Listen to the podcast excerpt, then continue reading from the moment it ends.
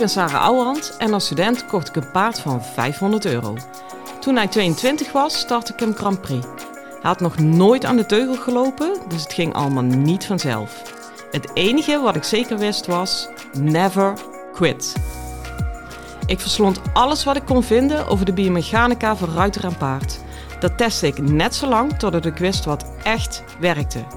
In deze podcast leer ik jou alles over je rijtechniek, je houding en zit en je mindset. Want ook jij kan naar de Grand Prix gaan, zelfs als je geen miljoenenpaard hebt.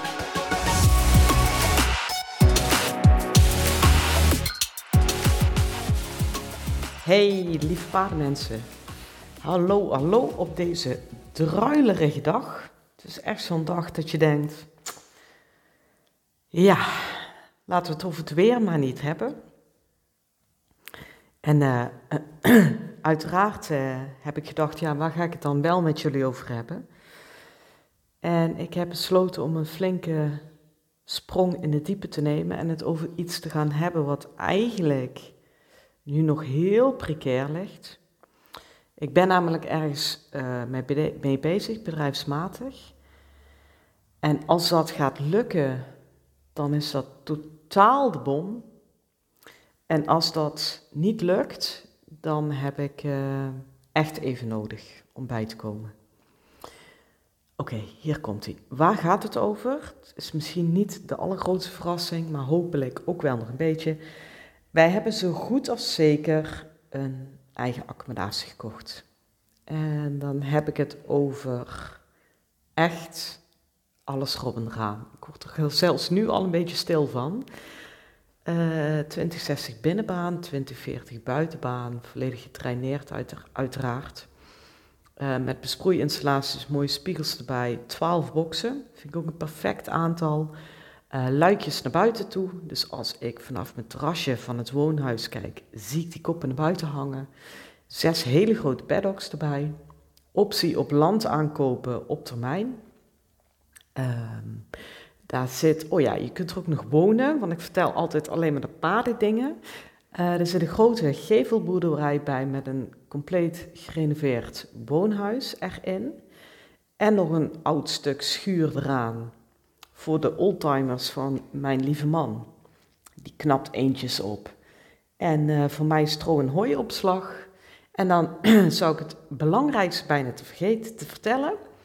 Er zit een kantine bij Achter die kantine zit een B&B-kamer en op de kantine zit een compleet appartement.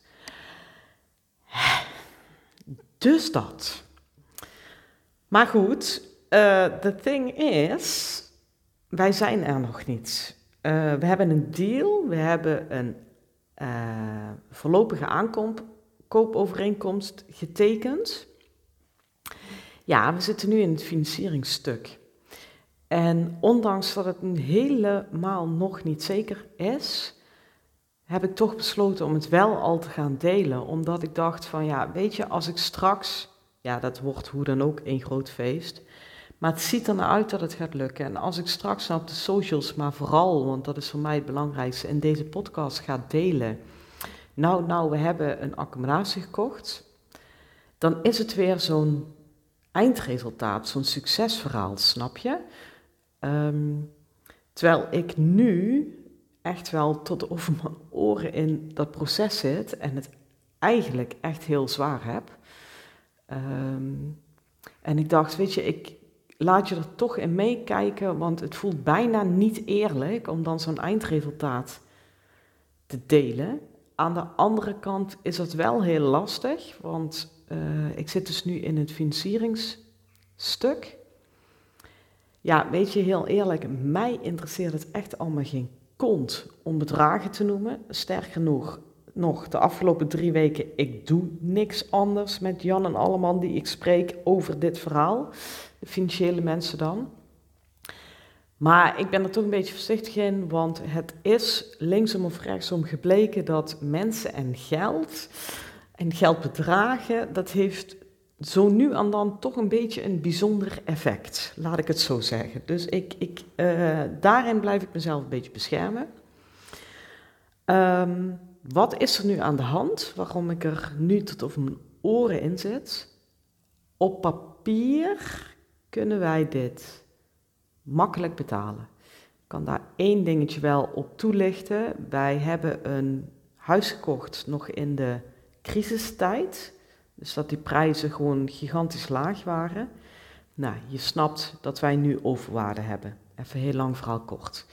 Daardoor uh, kunnen wij een flink stuk van het aankoopbedrag afhalen en zitten we heel gunstig in de hypotheek.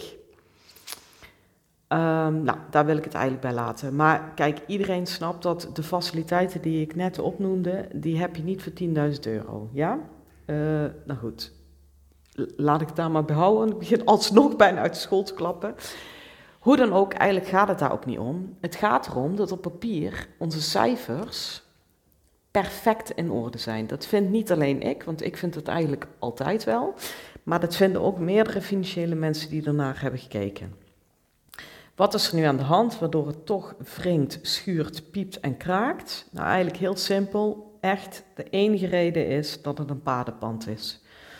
Uh, daar zijn nu al twee banken die gewoon zonder nog, ook nog maar naar de cijfers te kijken, gewoon zeggen, ja, doen we niet. En het gaan ook niet de laatste banken zijn die dit zeggen. Um, ja, dat, dat is echt wel heel erg pittig, want het, het vraagt dus van, ja, luister, het kan makkelijk, maar bijna vanuit principe kwestie van de banken kan het niet. En ik heb me echt kapot gewerkt, van binnen vooral, om op dit punt in mijn leven te komen. Ik kan de binnenbaan ruiken, ik voel hem om me heen. Het, het, het perceel, het pand klopt zo ontzettend. Het, het heeft alles en is toch super compact, want ik hoef niks groots. Ik wil alleen maar uit de voeten kunnen. Het, het, het resoneert als een malle. Het gaat toch niet gebeuren dat vanwege een of andere principe kwestie bij de bank dit nu niet gaat lukken. Maar geloof mij, die stress die heeft torenhoog gezeten. Um, überhaupt dat het misschien niet zou kunnen lukken. En daarbij dat wij op het punt staan om de financieringstermijn te laten verstrijken. Dat betekent dat wij de koopovereenkomst niet meer kunnen ontbinden, tenzij je 10% boete betaalt van het aankoopbedrag van het pand. Ja, uh, eh, 10% van zo'n pand, dat is een heftige boete. En uh, als ik het erover heb, dan knijpt mijn maag al. Maar het ziet er nou uit dat wij dat risico toch gaan nemen. Uh, omdat we genoeg reden hebben om vertrouwen te hebben. Maar eigenlijk ook vanuit mijn hart. Uh, en ik merk dat dat me emotioneert. Dat ik denk, ik ben niet voor niks op dit punt in mijn leven gekomen. Ik ben het aan mezelf verplicht om nu te springen. Uh, kijk, en, en het is springen en ik weet niet waar ik uitkom. Ik weet niet hoe diep het bad is. Ik weet niet of ik de bodem terechtkom, of ik terug kan veren, of ik moet gaan zwemmen, of ik verzuip. Ik weet het niet. Het is zeer ongewis. Um, maar het is toch iets dat moet gebeuren. En ik dank God op mijn blote knieën dat ik een man heb die hierin meegaat. Um, niet zonder slag of stoot maar die uiteindelijk ook hierop uitgeleveld raakt en denkt, ja, wij springen samen. Ja, dat vervult mij zo met dankbaarheid. Alleen al dat is die boete waard. Ja, het, het moet niet gek worden.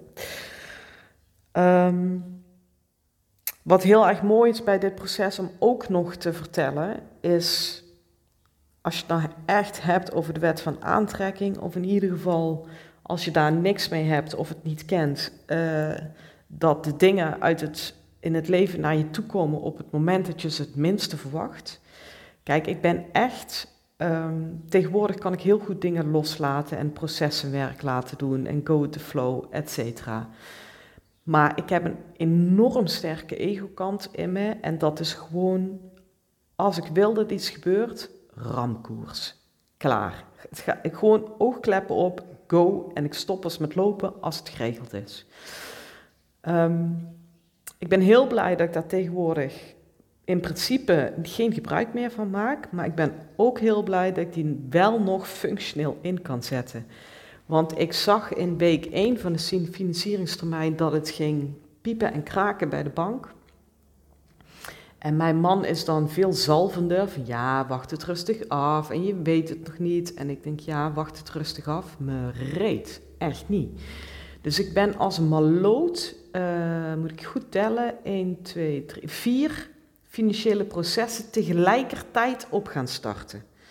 Dat betekent dus dat ik op vier punten kosten maak, op vier punten documenten uh, aanlever en vier mensen continu aanjaag. En neem van mij aan dat ik ze dan ook aanjaag. Die krijgen iedere dag van mij huiswerk. Ik vraag iedere dag: heb je het gedaan? Hoe zit het? Hoe gaan we verder? En niet alleen het hier en nu monitoren, maar ook nog iedere keer twee stappen vooruit denken. Oké, als dit, dan dit. Hoe hangen die processen onderling samen? Hoe leg ik die kaarten het meest eenvoudig of helder naar elkaar uit? Um, ja, ik ben zelf alle regels uit het zoeken. Ik corrigeer de financiële mensen. En jongens, ik ben echt, ik heb VWO gedaan en uiteindelijk universiteit. Geen financiële universiteit. Ik heb ook echt alleen maar economie 2 gehad. Maar zoals ik al zei, als ik iets wil, gaat het gewoon gebeuren. Ramkoers. Dan zit ik tot vannacht op die laptop om alles uit te zoeken. En corrigeer ik de financiële mensen. Omdat ik me heel erg van bewust ben, en dat is gewoon mindset met een hoofdletter M, dat mijn urgentie toren, toren, toren hoog is, want dit pand is 100% match. Daarnaast, gewoon in het hier en nu, heb ik dadelijk een enorme boete aan mijn reet hangen als ik niet wakker ben. Dus, dus ik ben aan, aan, aan. En ik realiseer me heel erg dat die financiële mensen waar ik contact mee heb, ja, die bedoelen het goed. En die, ik zeg niet dat ze hun werk niet doen, maar het is ook maar gewoon een werkdag voor hun. Snap je? Dus daar zit al een enorm gat in drive. Dus denk ik, drijf ik jullie aan. Heb je je drive? Al was het maar dat je dan van mij af bent. Als je dat gaat denken, dan heb ik je waar je hebben wil, dan ga je tenminste aan het werk. Snap je? Door. En het is dus ook echt zo nu dat ik het niet kan permitteren dat als ik ochtends iemand bel en normaal, als hij na drie dagen bij mij terugbelt, helemaal oké, interesseert me echt geen fluit. Echt, als je niet voor vijf uur terug hebt gebeld, hang ik nog een keer aan de lijn, want ik kan geen dag missen. Dus dit zit er nu allemaal, ik ben er op vier punten doen. Uh, ja, ik ga daar in het begin van zo'n proces echt met gestrekt been in, echt ramkoers op vier fronten dan heeft mijn man in het begin de neiging om een beetje te zalven en af te remmen. Dus die krijgt, als hij niet oplet, ook nog een box tussen zijn ogen. Maar ehm, wat natuurlijk wel op een gegeven moment, je verschiet ook wel zo ontzettend veel kruid op, op dat eerste stuk van het proces door alles aan te jagen. Ja, mijn, mijn draadje knapt ook een keer. En uh, zo ongeveer rondom nu is het geknapt. Ik, zit nog, ik sta nog wel op mijn voeten hoor, maar ik ben echt zo ontzettend moe. En ik merk dat ik mijn alertheid niet meer goed hoog kan houden. Ja, weet je, dan is mijn man er, want die heeft tot nu toe een beetje... Ik moet hem niet tekort doen, want het is echt een kei. Maar die heeft gewoon iets lager in energie gezeten. Het is me goed ook, want we hadden we twee dolle stieren gehad. Maar ja, die heeft nu dus over en die pakt het nu over. Snap je? Dus wat dat betreft is het echt geweldig. Um, wat gewoon heel zwaar is, is dat dit alles van me vraagt in termen van uh, geef alles wat je hebt en heb vertrouwen. En ook heb oogkleppen op. Laat helemaal niks toe in je gedachten. Dus heb ik het nog niet eens over de praktijk, maar in je gedachten. Waardoor je voeding zou kunnen geven aan het feit dat het niet zou kunnen gaan lukken. Uh, een voorbeeld daarvan, wij zijn een tijd terug met een ander pand bezig geweest, lang verhaal kort, is niet doorgegaan, janken, janken, echt janken, janken, ik denk wel drie maanden lang heb ik daarvan lopen balen. Wij staan nu dus te heel dichtbij dat het definitief wordt voor ons. Um, van wie krijg ik gisteren een appje van Jos, Sarah, ben je nog op zoek naar een pand? Want ik heb iets voor je van diezelfde makelaar wat de vorige keer op, opgeklapt is. En ik voelde meteen aan alles, dit is ruis op de lijn. Dit herinnert me aan dat traject van toen, ehm, waar ik nog steeds niet met veel plezier op terugkijk. Ik was toen niet in mijn focus, ik heb het toen laten, laten schieten. Ehm, en nou kom jij erbij en geef je ruis. Nou, wat zegt mijn man vervolgens? Ja, uh, vraag gewoon wat hij in de aanbieding heeft. Als het beter is, kunnen we altijd kijken. En dan erbij zegt hij, ik ben gewoon stik nieuwsgierig. Toen dacht ik, ja, dit is het dus, hè. Um, platte nieuwsgierigheid, dit... Ik weet niet of je hem in kan voelen en misschien denk je, oh ontzettende drama queen, maar ik ben ervan overtuigd. Ik heb ook laten zien met mijn paard in de Grand Prix dat het zo werkt. Als ik ook maar de minste ruimte nu geef in mijn gedachten, in de gedachten van mijn man, dat er iets anders zou kunnen zijn wat beter is, of die makelaar toelaat in dit proces, die ons toen niet heeft gediend, ja, het hangt al allemaal aan een zijden draadje, dan zou het zomaar kunnen dat wij nat gaan. En het enige wat nu werkt, is tunnelvisie, mindset, gewoon bij je doel houden. Uh, dat is exact, en ik voel dat nu ook hetzelfde, dat is exact hetzelfde als hoe ik uiteindelijk met mijn steenkolenpony die Grand Prix foutloos heb geneeld. Er is geen andere optie dan die vloeiende proef. Punt. En alle verstoringen en alles wat er kaatst gewoon af op mijn overtuiging. Snap je? Maar dat is een enorme investering, wat dus niet uit de lucht komt vallen. Wat dus ook maakt dat als het pand doorgaat, dat het dus niet is, ah je lucky bastard. Echt, totaal niet. Um, ik wil daar nog één ding over zeggen, want dat is zo ontzettend mooi. En toen wist ik ook zeker van, ja, nou weet ik zeker dat ik er een podcast over ga maken. Ook al heeft hij niet direct te maken met paardrijden, maar gaat het totaal over de mindset. En als het niet over dit pand gaat, ik zei het net zelf al, dan gaat het over de Grand Prix met jouw paard. In ieder geval jouw Grand Prix. Je kunt zo ontzettend veel doen met je eigen instellingen. Um, ik gaf al aan, mijn draadje is nu op dit moment bijna geknapt. Uh, ja, dan ga ik weer. Ik voel me ontzettend moe, maar ik weet dat ik nog een tijd moet. En ik voelde wel van, ik moet vandaag één dag de stekker eruit trekken, want anders ga ik achteruit werken. Uh, dus mail dicht, app dicht, uh, vent weg, kinderen weg. Nou, check, check, check. En er is een kapelletje aan de weg ergens bij mij in de buurt waar ik heel graag kom op dit soort punten in mijn leven. Ehm, en ik ehm, ben daar naartoe gegaan, maar dat is een kapelletje aan een 80 kilometer weg. En ik ben niet gelovig in de traditionele zin des woords, maar het mag duidelijk zijn dat ik verbinding heb met dat wat meer is. Overigens, welk mens niet, alleen niet iedereen is zich er bewust van, maar dat is weer een ander verhaal. Dus ik zat in dat kapelletje, um, ja, alleen naar die stilte te luisteren. En dan komt de stress en de twijfel en de, uh, het gebrek aan focus, waardoor je toch gaat zweven in je hoofd. En mijn lichaam is moe. En bah, dus ik zat daar, maar door die 80 kilometer weg, daar zoeven continu auto's langs. Uh, en het is in een open omgeving, een landelijke omgeving. Dus je hoort helemaal uit de verte zo'n auto komen. Dat, geweld uh, dat geluid dat zwelt aan. En dan is hij bij het kapelletje, heb je even heel veel kabaal. En dan zwakt dat geluid weer af. En ik ging op een gegeven moment, uh, ik kan dus heel goed mediteren. En ik zat daar en op een gegeven moment hoorde ik iedere keer het geluid van die auto, wat ik normaal knetterstorend vind, zo'n 80 kilometer weg. Ik, oh. Maar ik begon te zien dat het geluid van die auto altijd aanzwelt, die storing, zeg maar.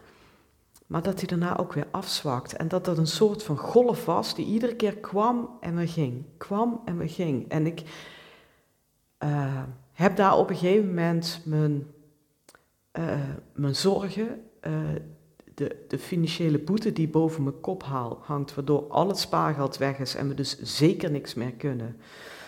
Ehm, ik heb alles laten komen en ik heb ook alles weer laten gaan op dat ritme. En het was enorm prettig om het te bedenken, te voelen, te herinneren dat echt alles voorbij gaat. Ehm, want op het moment dat je op een stuk zit, zoals ik nu, of jij dan, waar dan ook bent, op de een of andere manier trappen we iedere keer in de gedachte, en als jij dat niet hebt, bel me en zeg me hoe je het doet, dat je denkt dat dit nooit meer overgaat. Je zit hierin en dit is het en weet ik veel, geen enkele ruimte meer ziet. Je vergeet gewoon dat dit voorbij gaat. Ehm, en dat geluid, het was zo'n ontzettend mooie metafoor, waardoor ik, ik heb daar denk ik wel drie kwartier gezeten en iedere keer naar het gezoef van die auto's en het horen wegsterven.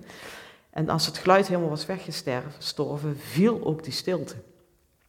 En soms kwamen er vijf, zes auto's, ja, dan gaat alles door elkaar. Ja, zo gaat dat binnen ook. Maar juist na die hoge piek van zes auto's was de stilte extra groot. Ehm, en nog even over die gedachte dat altijd alles voorbij gaat. Ik eh, ben zelf achteraf gezien zo'n azijnpisser geweest, die dat altijd een erg deprimerende gedachte vond. In de zin van alles is vergankelijk, weet je wel. Mijn paard gaat dood, mijn man en ik gaan nooit uit elkaar, ik ga dood. Uh, dus wat heeft het allemaal voor zin? Nou, um, maar vandaag zag ik dus, voelde ik, dat is een betere, dat het eigenlijk een hele troostende gedachte is. Um, alles komt en gaat, ook dit. En ook al zou die enorme boete komen, ja, die gaat ook wel weer. Weet je, die betaal je. En je weet in ieder geval dat je uh, alles hebt gedaan om je droom te verwezenlijken. Dus wat is nou die boete, hoe hoog die ook is, ten opzichte van de spijt dat ik het nooit geprobeerd had?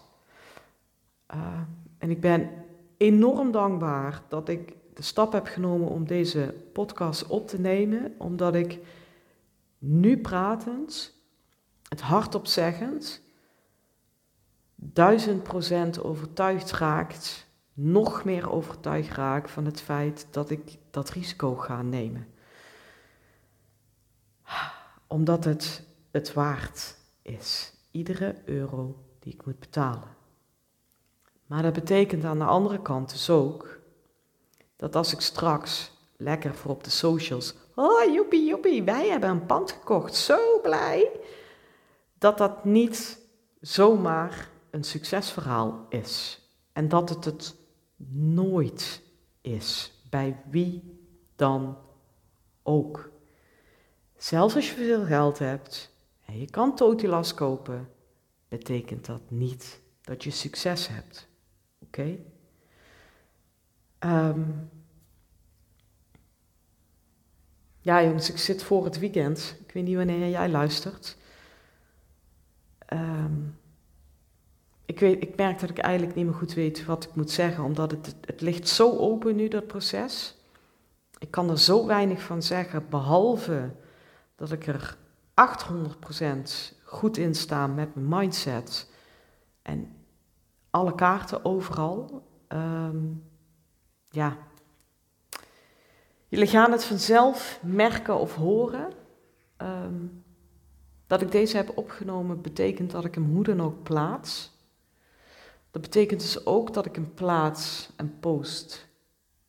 Ongeacht uitkomst, dus ook als het niet doorgaat. En dat betekent voor mij ook dat als het niet doorgaat, dat dat dus geen falen is. Um, die vind ik nog wel lastig, merk ik. Maar goed, ik heb nog even, want het proces loopt nog. Jongens, duim voor me.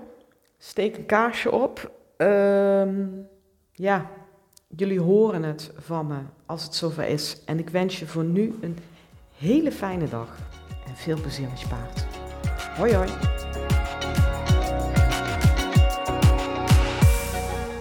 Lieve ruiters, dit was hem weer voor vandaag. Waardeer je mijn tips? Geef me sterren op Spotify en iTunes. Dat voelt voor mij als een dankjewel. En geef je paard een knuffel van me.